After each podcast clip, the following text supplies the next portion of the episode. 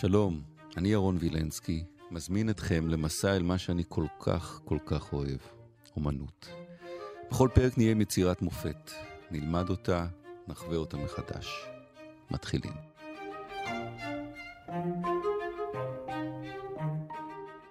מזאצ'ו, השילוש הקדוש של מזאצ'ו, מזאצ'ו זה הצייר, דוקטור גיא טל שנקר שלום. אהלן. קודם כל מדובר בפרסקו, מה זה פרסקו? פרסקו זה ציור קיר. והציור קיר הזה, יש לו יתרון אחד אה, מאוד גדול לטכניקה הזו, שהוא יכול לכסות אה, שטחים מאוד גדולים, כי הפיגמנטים זולים יחסית. ואתה יכול לצייר אה, את הציור הקיר הזה לא, לאו דווקא ביום אחד, אתה יכול לצייר אותו בנגלות. כל יום אתה מחליט כמה אתה רוצה לצייר, ואז אתה מכסה את המשטח של הקיר בחומר מיוחד שידביק לך את הפיגמנטים, וזה מה שאתה מצייר באותה כלומר, תקופה. כלומר, לקחת קיר בכנסייה או באיפה שאתה רוצה, ומצייר כן. ממש על הקיר. ממש על הקיר. תקרא את הקפלה אסיסטינט של מיקלאנג'לו, דוגמה טובה. זה פרסקו. זה פרסקו, כן, גם זה פרסקו. אוקיי. פרסקו, טיח רטוב. או טיח לח. זה המשמעות של, המשמעות של המילה פרסקו. פרסקו. כן, טיח לח, כי אתה מצייר על הטיח הלח כך שהפיגמנטים חודרים לטיח, והפיגמנטים הופכים לחלק אינטגרלי מהקיר, הם לא מתפוררים. איפה נמצא השילוש הקדוש הזה של אה, מז... מזאצ'ו?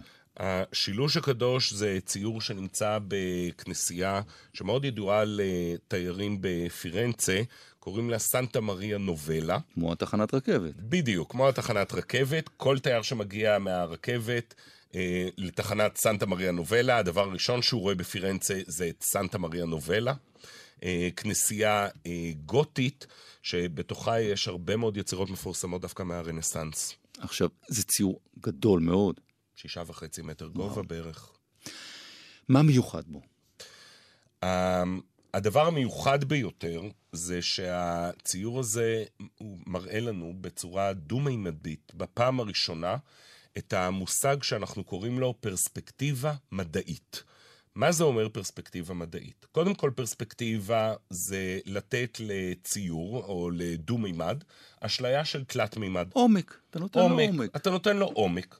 עכשיו, אחת הדרכים לתת עומק לציור זה כל האלכסונים האלה שאנחנו מכירים, כן? אנחנו מסתכלים על ה... נגיד על כביש, אנחנו רואים את שני האלכסונים שנפגשים אי שם בנקודת המגוז, ואנחנו מבינים את האלכסונים האלה לא הם ככביש. הם מתקרבים אחד לשני, נכון. למרות שבמציאות הזה... הם לא מתקרבים. בדיוק, אנחנו לא מבינים את הכביש הזה בתור אלכסונים, אלא האלכסון זה בדיוק האשליה שנותנת לנו את העומק. עכשיו, כאן אנחנו רואים את האלכסונים בתקרה. של הקפלה אותה מצייר ששוב אה, נזכיר. זה שטוח לגמרי, זה אבל מה שאנחנו אבל... רואים שזה נכנס פנימה, כאילו שזה חדר. בדיוק. ובחלק העליון אנחנו יכולים לראות שבתקרה יש מה שנקרא את הקסטוני, כן, את הריבועים האלה, okay. כן. שאם אנחנו, אנחנו יכולים לראות, הם מקבלים אה, אלכסונים כאלה, ואת כל האלכסונים האלה אנחנו ממשיכים כן, את הקו בדמיון שלנו. אם נמשיך את הקו הדמיוני. בדיוק, ומגיעים לנקודת מגוז. ואיפה הם נפגשים פה? פה הם נפגשים במדרגה הראשונה למטה, אה, כאשר אה, במדרגה הזו נמצאים קוראים ברך בתנוחה של תפילה, הפטרונים, הגבר והאישה, שהם אדון לנצי וגברת לנצה, והרעיון של פרספקטיבה מדעית, עכשיו, כל ילד הרי יכול לצייר את הפרספקטיבה, אז גם אתה יכול לקחת yeah. כן. חתיכת נייר ולצייר את האלכסונים. אז מה מיוחד? העניין כאן, שזה הפעם הראשונה שמזאצ'ו לוקח את הנוסחאות המתמטיות ההנדסיות של פיליפו ברונלסקי, זה שבנה את הדואומו בפירנצה. בדיוק, את הכיפה של הדואומו בפירנצה, והוא הגיע לנוסחה אה, הנדסית של איך לתאר פרספקטיבה מדעית, אובייקטיבית, עד כדי כך שאם אתה לוקח את הציור הזה ונותן לארכיטקט, הוא יכול לבנות לך את הקפלה הזו בתלת מימד. עד כדי כך הציור הזה מדויק. זו הפעם הראשונה בהיסטוריה המערבית שיש ציור כל כך מדויק. אז זה צייר או מהנדס? זה צייר שיוצר שיתוף פעולה עם פיליפו ברונלסקי, כן, עם הרעיון ההנדסי של ברונלסקי. אתה רואה איך שאומנות, אי אפשר לנתק אומנות מתחומים אחרים כן. שבחיים, כן, יש לנו כאן גם את העניין ההנדסי. ואז ציירים מסתכלים על זה, ומכאן הם לוקחים כ- כדוגמה לאיך לעשות נכון את העומק? כן, זה לא אומר שמאותו רגע כל הציירים עושים את הפרספקטיבה המדעית הזו.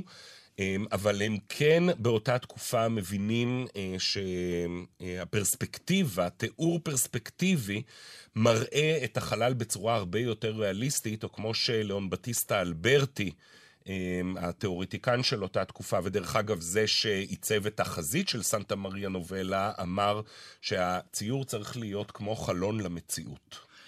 אתה יודע מה מדהים? שיש כאן את ישו, הוא צלוב, הוא על הצלב, ואנחנו מדברים על כל מה שמסביב ועל כן, הקיר ועל הזה. תהיתי, תהיתי מתי אתה תגיע לשאול אותי על ישו.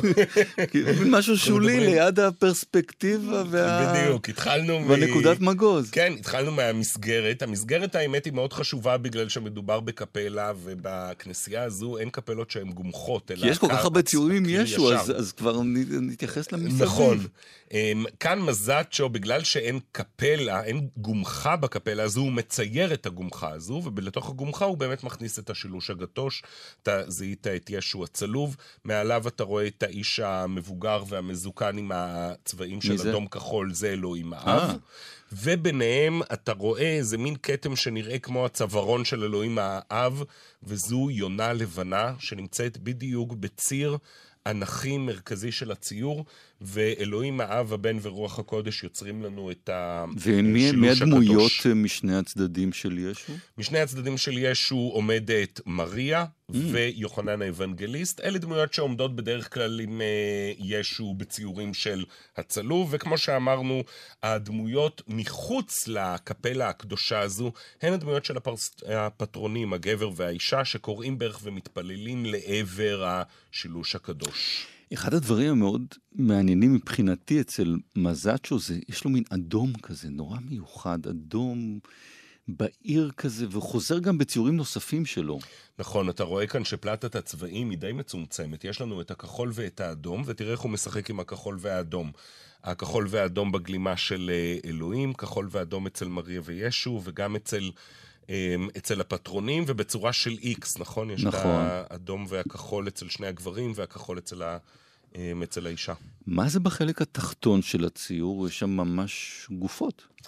יש שם, אמ, נכון, והחלק ההוא הוא ללא צבע. החלק התחתון של הציור הוא בעצם מונוכרומטי ומדמה אבן או פסל. אנחנו רואים שם סרקופג, ארון קבורה מאבן, מצויר, ומעל הסרקופג הזה אמ, שלד נח על הסרקופג. מעל השלד אנחנו רואים כתובת לטינית, ובכתובת הלטינית כתוב, אני הייתי פעם מה שאתה, ומה שאני, אתה תהיה. טפו, טפו, טפו. מי אומר את זה? אני הייתי מה שאתה, זאת אומרת, אני הייתי חי פעם, כמו הצופה. השלד הזה מדבר אלינו. בדיוק, ומי שאני, זאת אומרת, אני המת, אתה תהיה, אתה הצופה שמסתכל. זאת אומרת, הציור הזה מראה לנו מה שאנחנו קוראים ממנטו מורי, זכור את המוות. ואז יש לך אמ, ציור עם שני מבטים. אתה מסתכל למעלה כדי לראות את האלוהות הנצחית, ואתה מסתכל למטה כדי לראות את המוות שלך. ואז אתה קורא קצת על מזאצ'ו, ומגלה שיש לו משהו משותף. עם ג'ימי הנדריקס, עם קורט קובן, עם אימי ויינהאוז, עם ג'ים מוריסון. כן, זה היה... הוא מת בגיל 27, הוא התחיל את המועדון. הוא התחיל את המועדון. זה הסטודנטים שלי כל הזמן מזכירים לי את הרשימה הזו של המתים בגיל 27.